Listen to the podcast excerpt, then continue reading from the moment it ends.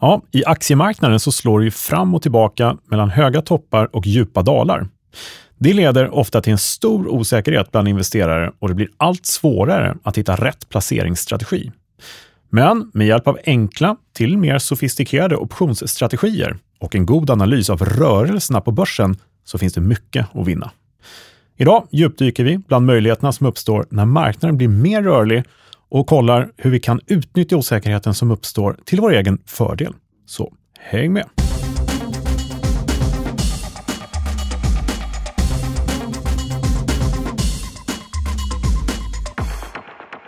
Ja, men välkomna tillbaka till Optionspodden. Mm, där är ju podden som ger dig kunskaper som ingen privat eller professionell investerare på börsen bör vara utan. Mitt namn är Kalle Björkegren. Ståendes mitt emot mig har jag som vanligt Thomas Bernholm från Nasdaq. Ja.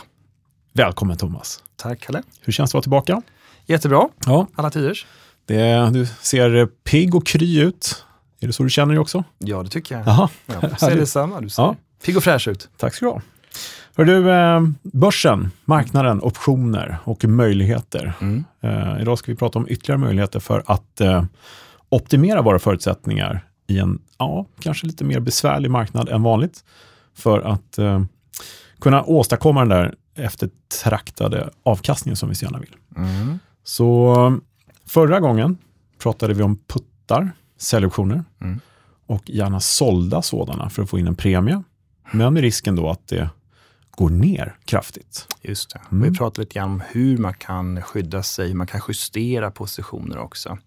Mm. Om man hamnar lite snett. För det var ju också många som frågade om det vad jag förstod. Ja, du hade det- fått många frågor till podden. Ja, verkligen. Det Mm. har gett bra utfall sådär. Många som blir eh, inspirerade och vill veta lite mer och sådär. Så att idag blir det ju en liten, ska vi kalla för uppföljning, fast med en twist. Mm. Sätt där då. En till liten pusselbit kanske man kan säga. Ja, legot som vi brukar snacka om. hur? Vi bygger lego, Ja. för det är verkligen så. Eh, men marknaden eh, är ju liksom i någon sorts återhämtning efter korrektionsläget, om man får uttrycka sig så, Mm. eh, som vi pratade om sist. Då. För marknaden korrigerar sig neråt var någonting som alla väntat på hela året. Och då var det ju många som ritade upp Armageddon bara hit och dit och det skulle gå ner 10, 20, 30 procent. Och, ja, men, osäkerheten är ju så pass påtaglig så att eh, alla möjliga olika marknadstror kommer ju fram direkt. Förr eller senare. Så är det ju.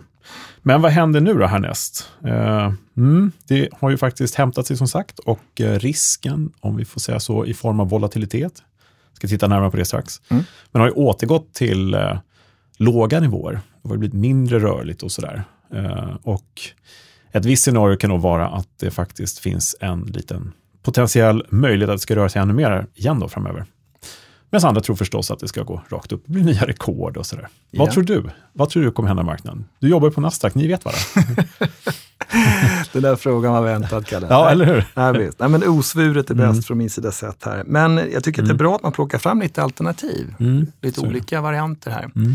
Så att, eh, ja, nej, men jag ser Mm. fram emot det här med spänning. Ja, det är bra också, tycker jag själv, att titta, när man sitter och tittar på börsen varje dag och man investerar i det ena eller det andra, så är det alltid bra att ha i färskt minne en historik, vad som liksom har varit tidigare, så man har någon sorts referensram. Och eh, vet du hur mycket börsen har gått upp med i snitt de senaste 25 åren?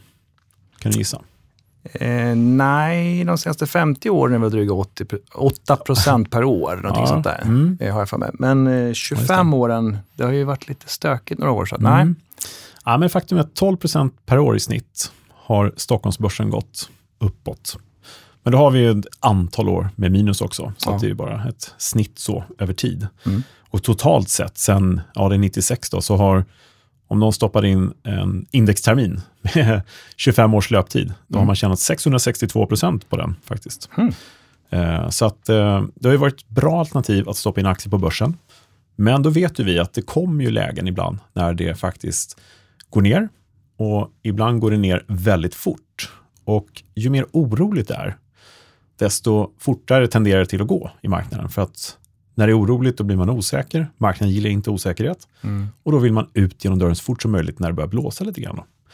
Och då kommer eh, vi osökt in på volatilitet och implicit volatilitet antar jag. Yes, det gör vi ju. Och eh, det här med hastighet och rörlig börs, eh, det finns ju då specifika strategier som är lite mer sådär sofistikerade, Mm. men som är riktigt, riktigt eh, ja, men, eh, bra att ha med sig, som vi ska prata om idag. Jag Mm. pratar om en put-back spread, ska vi prata om idag. Mm. Men vad är det? Det kan man undra om man inte är invigd i optionsstrategiernas värld. Men vi ska bygga upp den eh, lugnt och fint och titta på den. Mm. Sådär. Men sen är det lite grann också, som du var inne på, uppföljning här av tidigare avsnitt, eh, Mm. säljoptioner. Ja. Då hade du också fått lite frågor till podden va? Ja, det stämmer ju det. Eh, och eh, det har kommit mängder med frågor. Eh, och eh, ja, men till exempel eh, så om man bara om man köper en säljoption, vilket Mm. är bra om man skyddar sig på nedsidan, Mm. Så kan det ju vara dyrt över tid, till exempel. Eh, det kostar ju en premie trots allt. Exakt, så man köper försäkring hela tiden, då går Ja. man miste med, om sin avkastning egentligen. Ja, det- det upp. Liksom. Det tar ju hårt på en Mm. avkastning om man hela tiden ska köpa at the money put där. Det är ju det är dyrt. Så. Mm. så man får tänka om och tänka lite mer eh, ja, sofistikerat. Och då har vi en lösning på det idag då, som vi kan presentera. Eh, och sen finns det en hel del att bygga vidare på det här, men det kommer vi till här i temat. Så det om det. Eh, vi ska strax kolla börsen tänkte jag också bara då, då i våra termer. Men eh, en liten specialare här idag också. Man kan vinna en Nasdaq-hoodie va? Om man Mm. lyssnar på Optionspodden. Det stämmer. Och Ja. det, jag fick ju den frågan av dig för, ja det är ganska länge sedan nu. Mm. Så det var hög tid att skrida till verket här. Mm. Så att, eh, precis, det stämmer. Så vi har några hoodies Ja. i, eh, vad ska man säga, i, i lagret Ja. som vi gärna delar ut. Yes. Och ehm, man ska anstränga sig lite då, tar vi slut på programmet vad man ska göra. Mm. För att kunna få till sig den här. Okej, det tar i slutet helt enkelt. Ja, det tar slutet. Ja. Så vi sår det fröet som vi säger. Mm. Det är en snygg hoodie som sagt. Mörkblå så står det Nasdaq och Options Ja. Play på. Ja, jag har ingen aning för jag har inte fått någon. det sa du sist också. Ja, jag vet. Jag har Jag om fortfarande inte fått någon. Ja. Jag tycker att jag borde få en. Men du får väl jag, delta i tävlingen. ja, det ska jag göra. Alla gånger. Bra. Jag ska, får jag vara med och liksom hitta vinnare också? Eh, jag tror att vi överlåter det kanske till Smile Studios här. För Ja, de, okej de, då. kan vara, Mm. de kan vara lite domare. Ja. Smile Studios avgör. Ja. Det är bra. Men hör du, eh, inför avsnittet då, puttar och strategier här nu då, som vi ska locka med, Mm. höll jag på att säga, eller som vi ska inspirera med. Ska vi kolla lite grann hur eh, börsen går? Eller har den gått och hur Ja, mår? Det tycker jag. Gör vi det? Ja. Ja, Kalle, hur ser det ut då, läget på börsen? Läget på börsen, ja, det ser betydligt eh, roligare ut nu än sist vi pratade om den, du och jag, ett par veckor sedan. Eh, vi hade ju en, eh, ja men, ska vi kalla det för korrektion Mm. neråt? Eh, det var ju liksom lite mitt i den sist vi pratades vid. Eh, så att eh, oktober var ju en månad av, nu kommer jag inte ihåg exakt när det vände, men det har återhämtat sig såklart. Det har liksom gått upp igen från den här nedgången. Och tittar vi då på våra termer av risk så ser vi då på VIX-index att det har, ja, men det har fallit tillbaka rejält i risknivå på VIX-index. Eh, sista print här idag faktiskt, 15,24 hade jag. Mhm.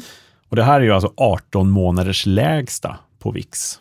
Eh, och jag vet inte vad det ska, hur man ska analysera det riktigt eh, sådär. Vi har ju konstant sedan coronautbrottet förra året haft en, ja då gick det upp alltså abnormt mycket på VIX-index, sen så stabiliserades det, men har varit konstant högre än tiden innan corona. Så 2019 och bakåt där så hade vi kanske en ja, men nivå mellan 10 och 15. Och nu är vi faktiskt tillbaks på den nivån på VIX lite grann. Sådär Okej. kan vara bra att ha med sig. Eh, Så att eh, om man tittar man enbart på risknivån och vad det kostar i premium att köpa optioner over there, så ja, det är attraktivt just nu.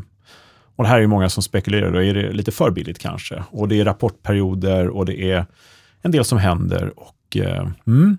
Så mm, det, man får göra sin egen bedömning, vad man tror. men många eh, tycker pratar i termer om att ja, det kanske är lite läge att köpa premium. Sådär. Men det är Du, och en. du sa att det hade kommit ner rejält. Ja. Och vad hade vi för tidigare notering för två veckor sedan? Ja, då var det 20. Eh, jag tror vi printade 1979 då. Mhm. Eh, men det, det låg ju en bit över 20. I den här korrektionen vi hade, nedgångsfasen under eh, någon vecka där, så var det Just ju det. upp mot 25-26. Jag tror intradag printade ännu högre. Mm.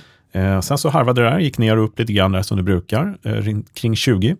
Sen har den här eh, tickat ner då, sista eh, veckorna, eller tio dagarna kanske. Och nu ser vi en ja, lägsta nivå eh, på VIX-index eh, på ja, ungefär ett och ett halvt år. Mm. Så där är vi nu när det gäller just VIX. Och hur ser det då ut på skewen då? Mm. och det är ju intressant därför att eh, historiskt, hör på att säga, de sista månaderna som vi har tittat på SKEW-index, alltså priset för nedsidesskydd med säljoptioner på index over there, har ju varit eh, SKEW-index normalnivå kan vi påminna i 120, väldigt hög nivå 140. Men det här var en nivå som stabiliseras kring 150 här, Mm. till den här korrektionen faktiskt kom eh, och nästan självuppfylldes där. Då. Då föll SKEW tillbaka neråt mot 130-nivån. Förra gången vi pratades vid så var det 134,7. Lägre nivå på SKEW än vad det har varit på hela året just då faktiskt. Men det har studsat tillbaka upp faktiskt mot eh, 150 igen, printat där ett par gånger. För att nu ha landat kring 140-nivån som fortfarande är en väldigt hög nivå. Man betalar så fortfarande dyrt för nedsidesputtar. Eh, och har fortfarande en ständig beredskap för fortsatt turbulens helt enkelt på nedsidan. Okej. Så runt Så- 140 just nu. Mm. Så är det lite högre än för två veckor sedan. Då då. Ja, det är det. Mm. Absolut. Så VIX kan man eh, hålla koll på. Där ser man att det är lågt, men SKEW-index ska man alltid sätta paritet med VIX, för då ser man oron, hur mycket man är villig att betala för. Nedsidan, väldigt viktigt. Ja. Sen har vi vår eh, sista lilla mått som vi brukar titta på numera, som är eh, volatiliteten på VIX-index brukar kalla för lilla nördsiffran, men det här är är alltså vad är man villig för att betala i premium på optioner på VIX-index. Och här är jätteintressant. Eh, för volatiliteten på VIX-index är fortsatt väldigt hög. Eh, sådär. Och snittet i den här ration, VVIX, volatiliteten på VIX-index mot VIX i sig själv, snitt där över tid är 4,5 ungefär. Eh, och då är det som så här att eh, tidigare i sommar så gick den upp mot 7-8 och då började det gå lite larmklockor på vissa deskar i USA. Precis. Där de sa att det här tidigare indikerat ett, en sorts kommande turbulens och möjlighet till ras. Då. Och nu kom det faktiskt en korrektion eh, efter ett tag. Sen så får det vara osvuret hur mycket liksom, sanning det ligger i att just det här indikerar det. Men man vet ju inte, det, det har gjort det tidigare i alla fall. Och sen studsar den här ner mot 5. Sist vi pratades vid så låg den på 5,5. Eh, men här har vi studsat upp igen nu och har printat över 7 ett par gånger. Jag tror sist jag kollade nu så låg den på 6,7. Så den har kommit upp betydligt. Det här betyder att det är fortfarande hög. Eh, eh, det är dyra optioner på VIX-index. Man spekulerar i att VIX-index i sig själv ska komma upp. Eh, och det finns stor eh, omsättning på kontrakten där. Okej. Så det här är någonting som också är väldigt bra att titta på. Sammantaget så kan vi säga att det är billigt med premium. Eh, risken i aktiemarknaden är låg, men oron och beredskapen för fortsatt turbulens, den är bra bit över medelhög. Ska jag säga. Mm. Så där är vi just nu. Och det här är ju bra att ha med sig i den dagliga analysen, oavsett om man egentligen handlar optioner eller inte. Förstås. Kan en slutsats då vara att man kanske kan förvänta sig en stigande implicit volatilitet? Eller? Ja, det är väl lite så snacket går Mm. eh, i generella termer. Att eh, det gick ner och det var nyttigt kanske för marknaden, några som uttrycker sig så. Mm. Eh, men att det här indikerar då att det finns en beredskap för att marknadstron är en ökad rörlighet, en ökad turbulens och därmed ökad volatilitet. Mm. Så många strategier går ut på att köpa billig premium och sälja premium dyrare i volatilitetstermer. Just det. Så Mm. Intressant. vi får väl se. Framtiden lär utvisa vad som händer. Och vårt eget index, eh, vi brukar titta på den. Eh, och där är inga stora sensationer. Vi har eh, ungefär samma nivåer. Kring 12-13 procent, 12,2 procent var det sista jag såg på OMX S30-vollen. Fortsatt väldigt lågt och prisvärt var det någon som sa. någon trader här. Eh, och alla övriga aktier, nu är vi mitt i en rapportperiod och då brukar ju volatiliteten inför rapporter gå upp. Man ökar Exakt. ju liksom eh, nivån av risk och sånt där. Man vet ju inte vad rapporterna ska visa, så man är lite försiktig. Men nu när rapporterna börjar trilla in lite grann så eh, korrigeras det här lite grann och det tappar en del i volatilitetstermer, risktermer. Och de allra flesta papperna på index, OMX S30 som ingår där, eh, de ligger på låga, normala till låga nivåer till väldigt låga nivåer. Och de som sticker ut här är ju då till exempel Evolution Gaming som vanligt. Det låter bekant. Ja, Mm. den är ju eh, ja, men den är väldigt, väldigt volatil. Mm. Eh, ligger på nästan 50 procent, 48,5 implicit volatilitet.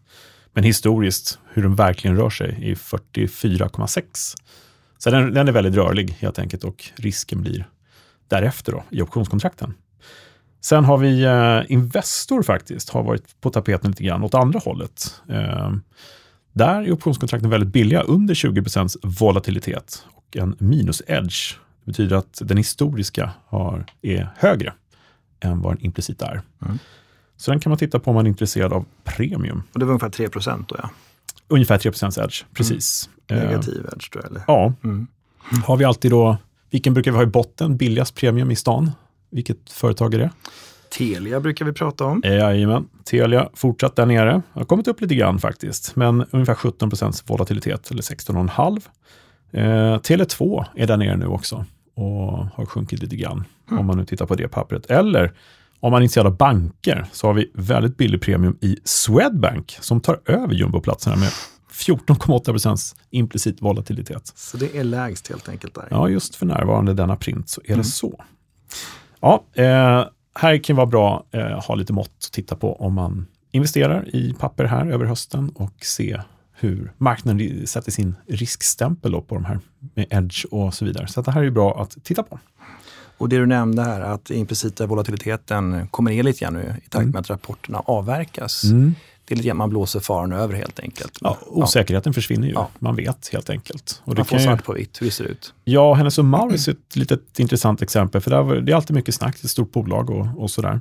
Eh, och där tryckte man ju upp volatiliteten tidigare, för man visste ju inte riktigt. De skulle lägga ner butiker och man kunde läsa rätt mycket nyheter om Hennes och Mauritz.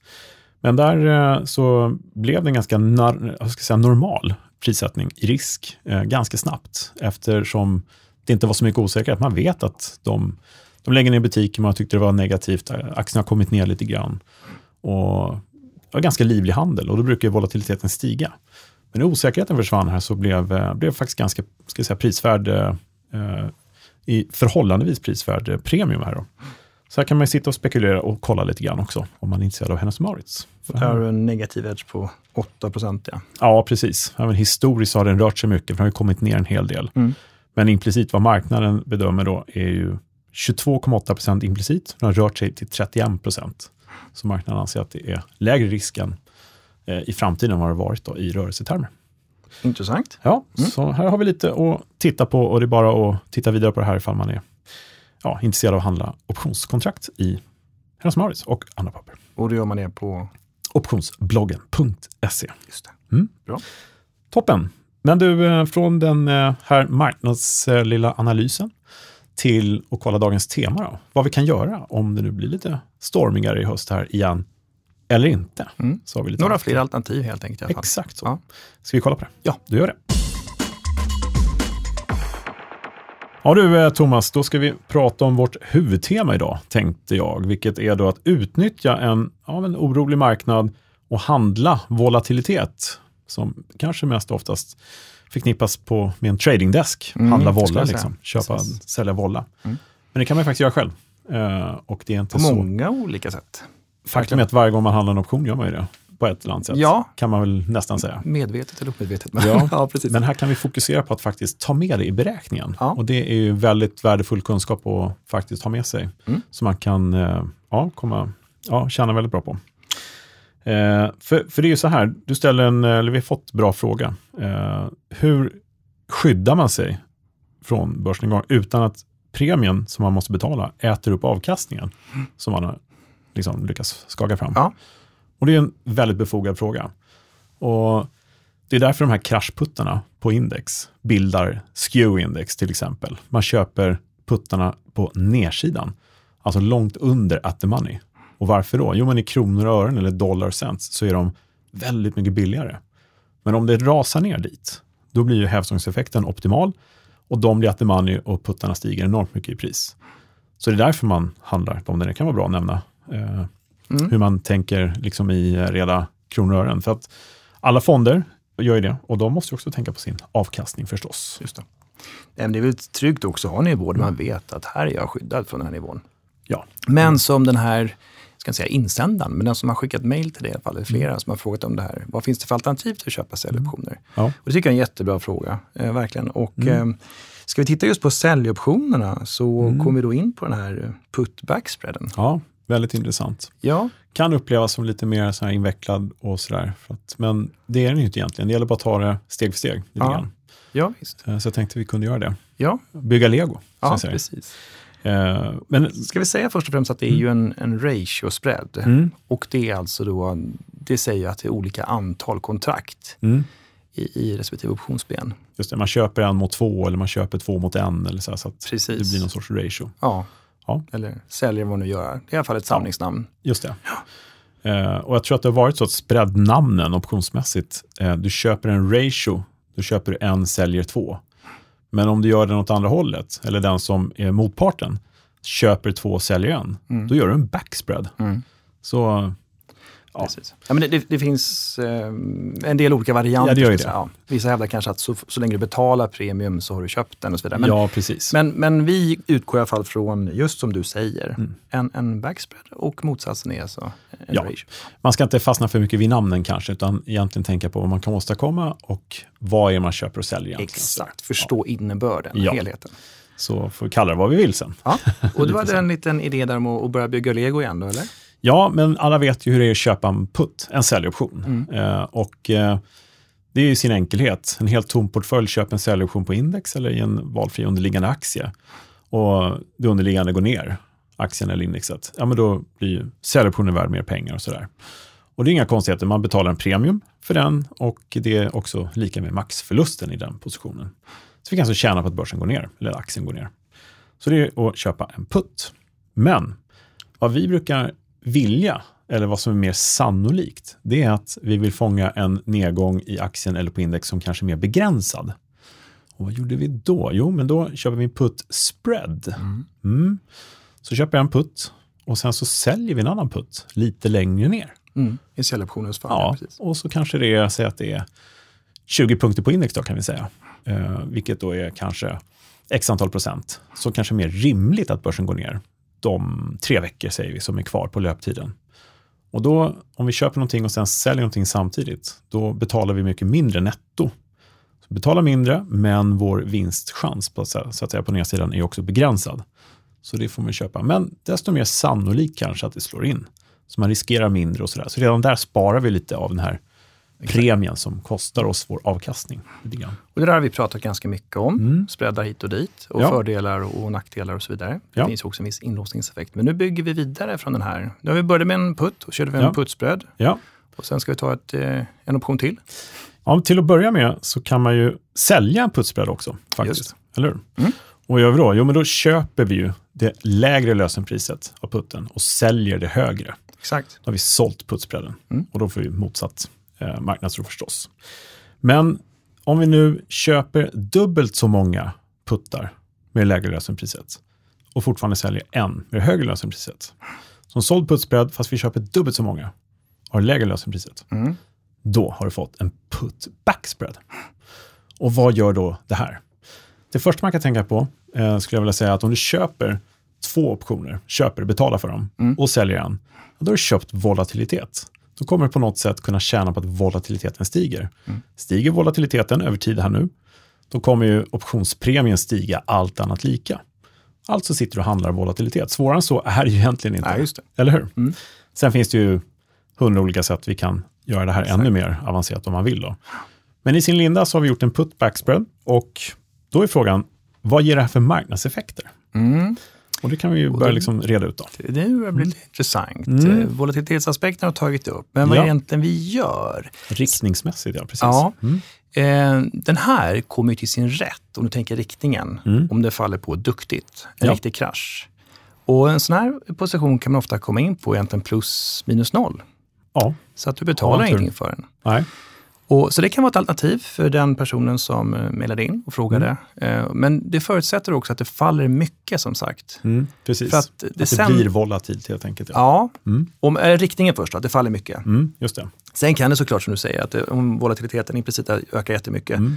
så kanske man kan gå ur positionen tack vare volaökningen bara och göra Ja. en vinst. Ja. Men det är ganska bra att ha koll på först riktningen. Vad, Mm. vad tjänar jag på? Och eh, man kan säga att man tjänar pengar när börsen är rörlig. Alltså vi tjänar ju på att volatiliteten stiger här. Mm. Eh, samtidigt som vi tjänar på en nedåtgående marknad. Men effekten blir ju faktiskt att den ska bli ganska kraftigt nedåtgående. Mm. Och här måste vi nämna såklart, i och med att har utfärdat en säljoption mm. med högre lösenpris ja. och köpt dubbelt så många bit ner. Mm. Så det sämsta som kan hända egentligen, mm. är att det skulle stänga vid den nivån där du har köpt optioner. Just det. För då har du egentligen utfärdat säljoption mm. som då har genererat en förlust. Ja. Och dina innehavda säljoptioner har ännu inte börjat ticka in, alltså att ge dig en, en vinst. Ja, just det. Däremot faller det mycket som sagt. Du har ju mm. dubbelt så många eh, säljoptioner. Mm. Men du har ju såklart en utfärdad. Så att det är ungefär som att du har en naken säljoption på vägen ner. Just det, precis så. Eh, och det här det är ju lite otacksamt att prata om i radio, som vi brukar säga ibland. radio, precis. Ja, ja radio. Jag mm. håller mig till radio. det här är P1 va? Ja, precis. Men det fina är att eh, vi spekulerar faktiskt i en kraftigt nedåtgående och volatil marknad. Mm. Eh, det är bra att ta med sig bara den. Och går det nu ner, säg 10 eh, innan den här spreaden förfaller och eh, det blir väldigt oroligt, ja men då faller det väldigt väl ut. Mm. Eh, och det finns ju egentligen ingen, eh, eh ingen slut på, det kan gå ner till noll bara. ja. eh, men det är ju ganska kraftig vinst på nedsidan ifall man får rätt i både dem. Högre volatilitet och eh, lägre kurser såklart. Mm. Men om det bara går ner lite grann, då kan vi hamna på vår maxförlust här. Mm. Men det är en maxförlust. Vi har ingen förlust som kan sticka iväg. Eh, utan det blir ju en effekt av lösenpriserna här. Och det här är nog enklast om man går in och kollar själv. Men om vi har, eh, säg att vi har lösenpris, eh, eller 100 står en aktie i. Ja. Och så har vi eh, put back spreaden med lösenpriserna 100 och 105 till exempel.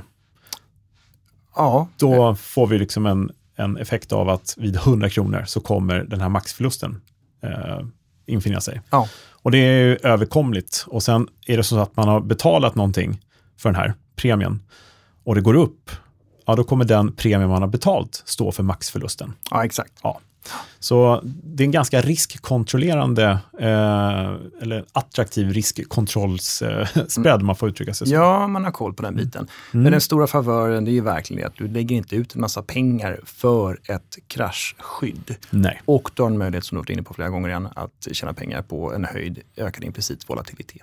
Ja, och eh, det här är någonting som eh, eh, ja, men dels så kan det vara, man tycker att det är lite invecklat till en början och sådär och det mm. är en ratio, vi har två mot en som vi köper och Mm, och vad innebär det då? Men det är som allting annat. Om man sätter sig ner och tittar på den och räknar på den eh, så är det inte jättesvårt. Mm. Eh. Och, och, som du inledde med att säga egentligen, använd alltså legobitar så att säga. Ta ben för ben och titta. Mm. Det är lite lättare att plotta upp allting då. Sen ja. också ska man säga, det beror ju såklart lite på vilka lösenpriser du väljer. Väljer du, väl, alltid, ja. Ja, väljer du någonting som har väldigt låg premie långt bort, då kanske man inte tjänar så mycket på ett eh, högre implicit volatilitetsvärde. Eh, så man får titta lite grann på det. Ja, men visst. Eh, och eh, vad var det mer jag skulle säga? Men, ja, det finns ju rätt mycket att orda om där. Du har ju SKEW också som du kan ta hänsyn till. Mm. Du kan göra den här på nedsidan och Eh, här finns det ju alla möjligheter att mm. simulera. Ja, det där tycker jag jättebra att du tar upp. Mm. För jag menar, du sa då att man kanske utfärdade 105-nivån i ditt mm. exempel och köpte 100-nivån. Mm. Säg då att 105 är at money så är du kanske lite skew, då har du lite mm. högre implicit volatilitet ja. i de som har strike 100. Så redan där så kanske du kan ha en viss fördel. Ja. Så det här är ju lite strategin för den som vill gå steget längre. Mm. Och inte bara ha en riktning, säg i höst här nu, så vet jag att en del som har kommit in, det finns de som är på andra sidan också i marknadstro, mm. men en del som har kommit in och tyckt att ja, men den här återhämtningen efter korrigeringen inom situationstecken, här, eh, den var bara återhämtningen, det var bara tillfället, nu ska det ner igen, det här var början på turbulensen. Men jag vill också utnyttja den här hastigheten och rörelsen på börsen och kanske fånga in den här volatiliteten som kommer sticka iväg och tjäna på den då är den här en superbra mm. strategi att prova sig på.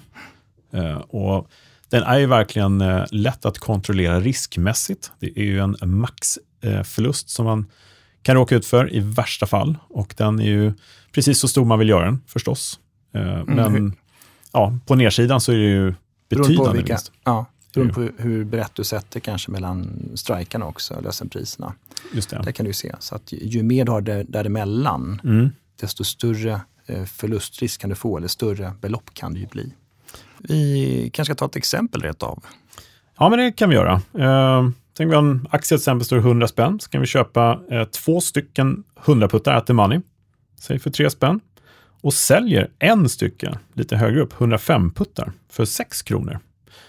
Och om vi lyckas göra det, då har vi åstadkommit eh, netto 0 kronor på den här spreaden. Just det, 6 ja. mot 3 gånger 2 så att säga. Just det. Ja. Vi köper två stycken 100 puttar för 3, kostar ju 6 spänn. Mm. Och så säljer vi för 6 spänn i en stycken då, option på mm. lite högre upp, 105 nivån där. Och då har vi vår eh, put backspread på 0 kronor. Och eh, ja, maximalvinsten är ju begränsad men betydande. Exakt, det är, ja. ja. den begränsade när aktien är vid noll. Så, ja, men det, exakt. Skulle, ja. Jag gillar det uttrycket betydande. Ja. Hur ofta har aktien ner till noll? Det händer inte, men då är det en betydande vinst.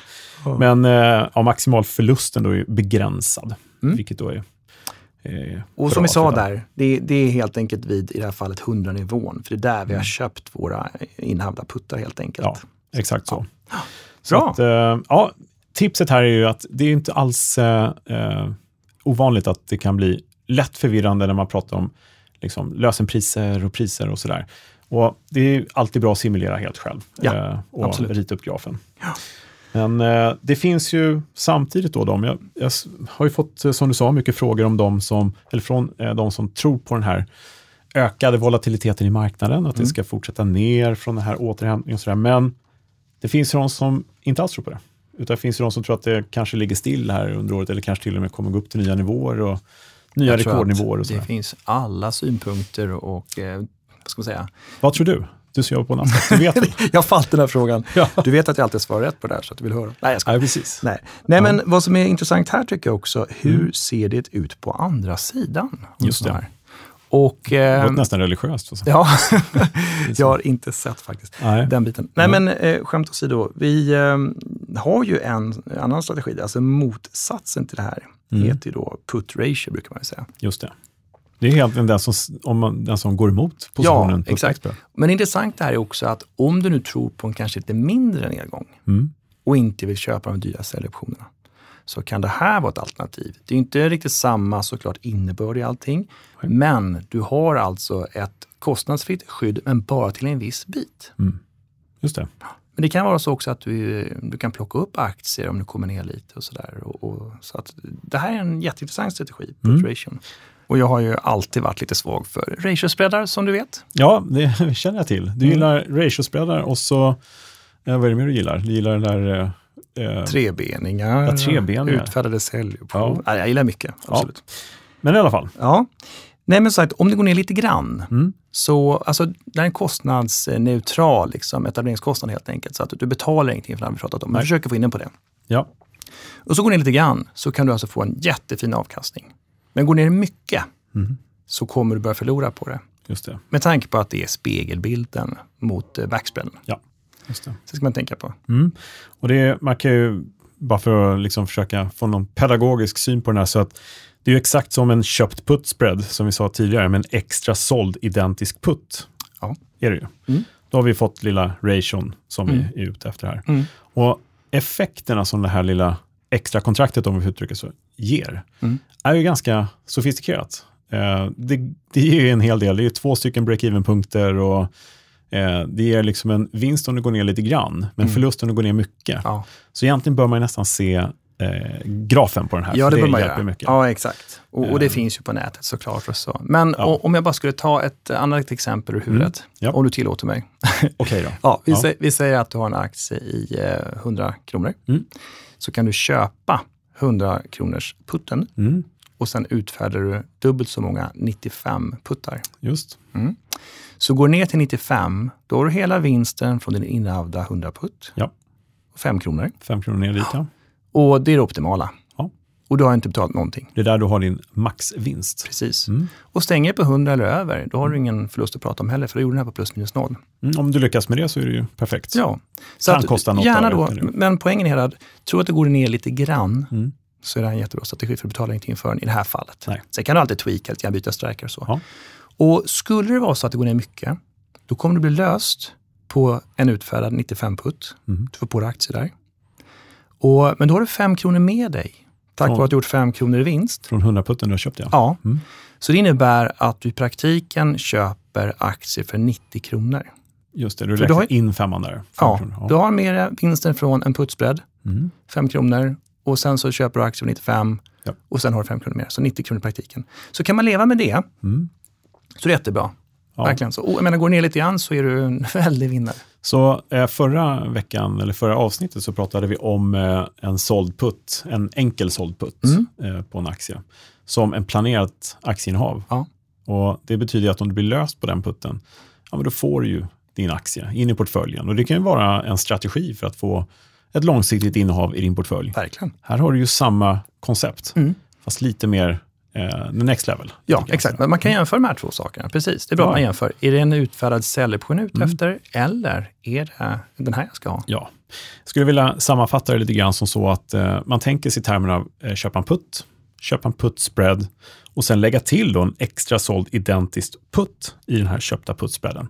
Då är du här. Nu vart det mycket. Ja, Ja, ja. men, Ja, köpa en putt och så putt-spread och så ja, säljer man dubbelt så många. Eh. Och ja, återigen, det är otacksamt kanske att lyssna på det här för vissa, men man- ska alltid med sig två saker. Det ena är den liksom, fundamentala förståelsen i strategin och den måste man ju stapla upp framför sig. Speciellt i de här fallen. Då. En putt eller puttspread kan man ju göra i huvudet ganska lätt, men här är nog bra om man staplar upp det. Fundamentalt, vilken risk har jag, max förlust, max vinst och sådär. Num- ja, förlåt, nummer två, extra viktigt också just i det här fallet, kolla på den grafiska vinst och resultatkurvan, hur den ser ut. Mm.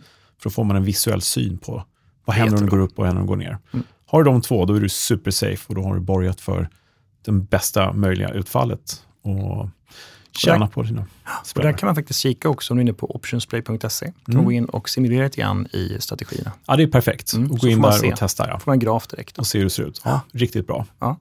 Så ja, men det är bra. Men det här är också som du var inne på, verktygslådan. Mm. Det finns massa olika strategier, nu presenterar vi lite nya. Så att det kan man välja Mm. och vraka och uteslut inte någon strategi förrän du utvärderat den lite grann och Nej. tittat på den. Klokt.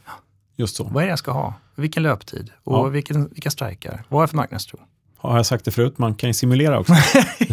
jag tror att du sagt det förut. Ja, verkligen. Ja, men det Ja, är men det är verkligen bra. Ja. Det, är, det är jätteklokt. Och allting här eh, kokar ihop till, eh, alltså sammanfattningsvis som allt i optionshandeln. För att eh, om du har liksom en förberedelse och du har kunskaperna på plats och du bara, det, det krävs ju inte så mycket. Det är det som är det inspirerande. här. Mm. Läsa på lite grann och du kommer få eh, god förståelse garanterat för dina möjligheter du faktiskt har. Även om det här låter lite avancerat. Kanske. Nu hoppas jag att vederbörande som mejlade kanske Mm. då får några fler idéer. Ja, Vi kan titta på flera saker också, men eh, ja, mejla ännu fler frågor. precis. Ja. Vad menar du med det där? Ja, varmt välkommen till det. Ja, bra. Ja, men, eh, bra, då har vi gått igenom både backspread ratio Yes. och bjudit på lite mer grejer. Men vi har fått fler frågor. Ska vi titta lite närmare på dem? Det tycker jag. Ja. Ja, då gör vi det.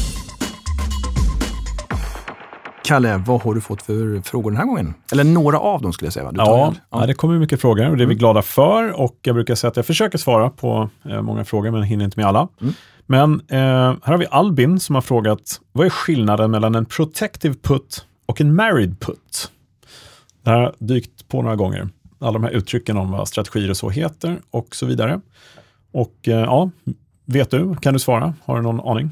Vad är en protective put för någonting? Ja, protective put, det är det jag brukar säga om du har en aktie och köper Mm. en säljoption mot den helt enkelt. Ja, du är orolig för nedgång och Ja, köp en försäkring. ja exakt. Mm. Det är protective put. Men jag skulle säga att married put är egentligen samma sak.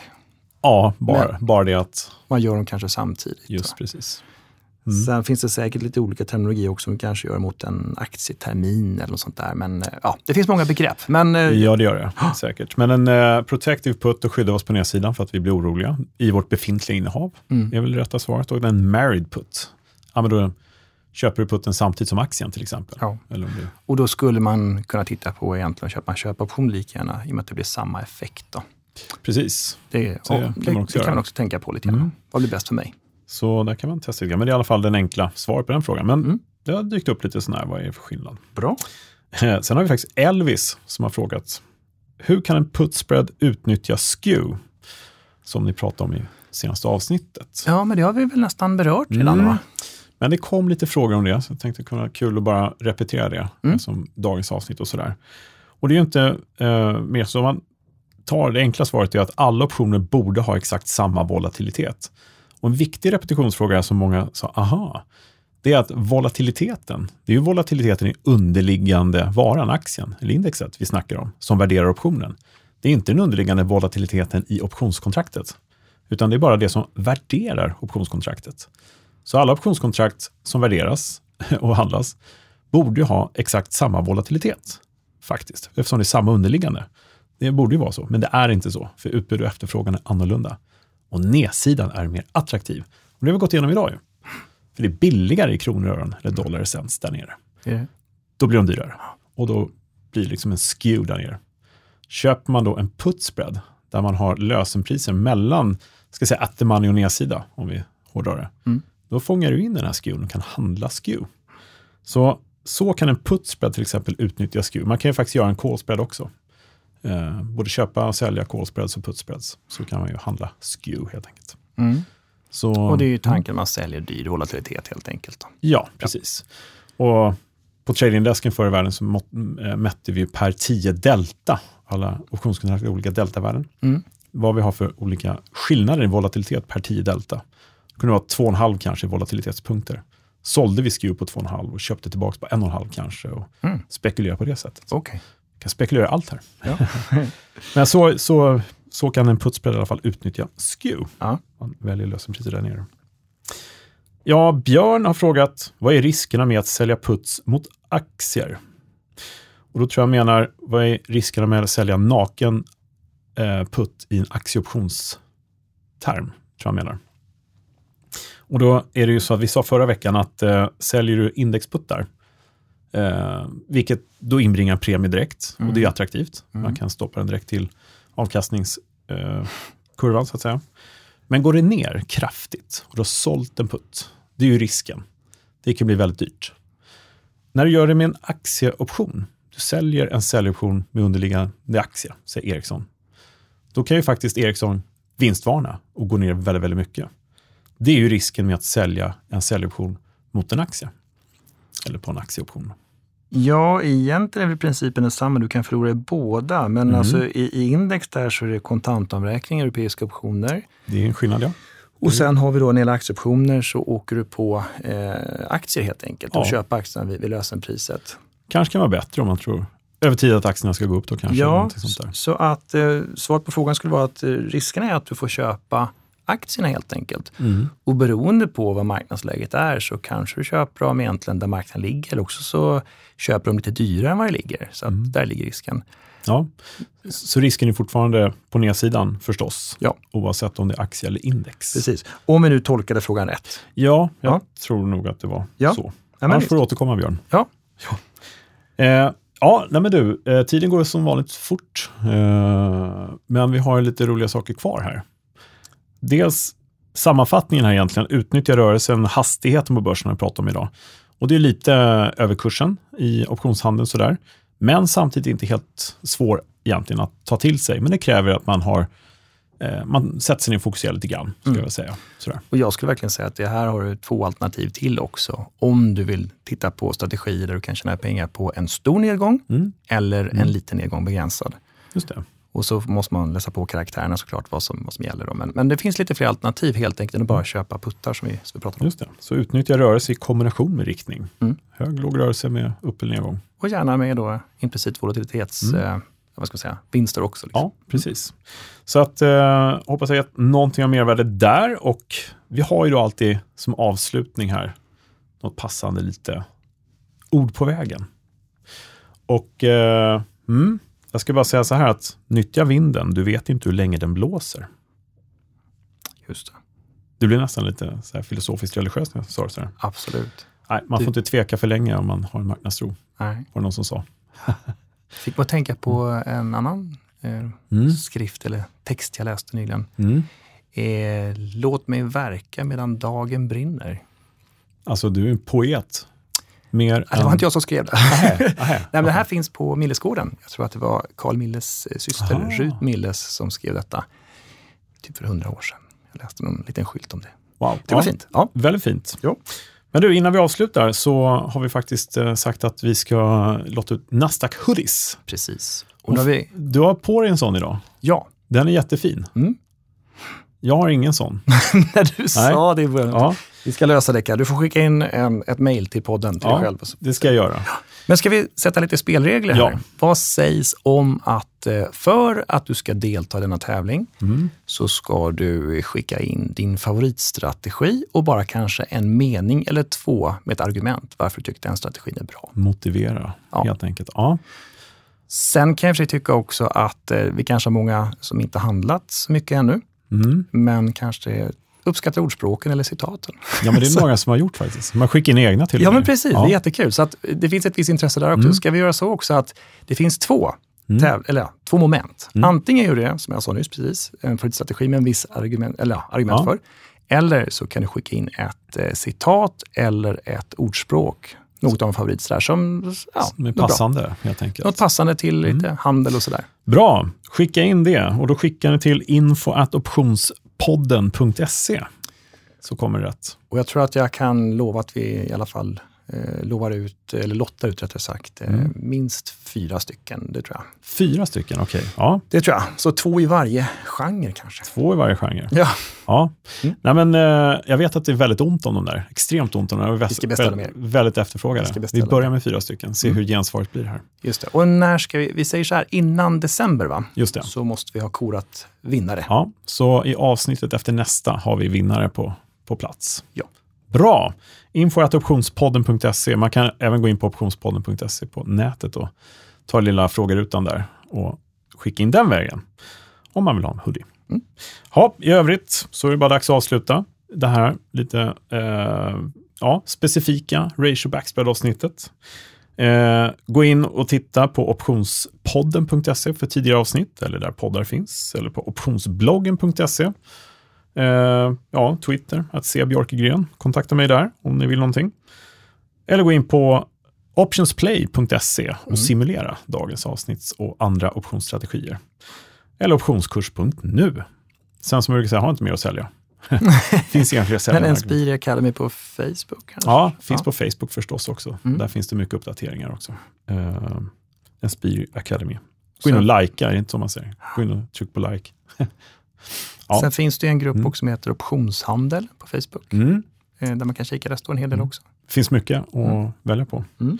Men du, eh, då så, då återstår bara egentligen att tacka för idag. Eh, fortsätt skicka in frågor och vi återkommer med spännande gäster här framöver också. Jajamän. Gör vi. Så vi hörs, tack för idag. Tack så mycket. Tack så. Hej då. Hej hej.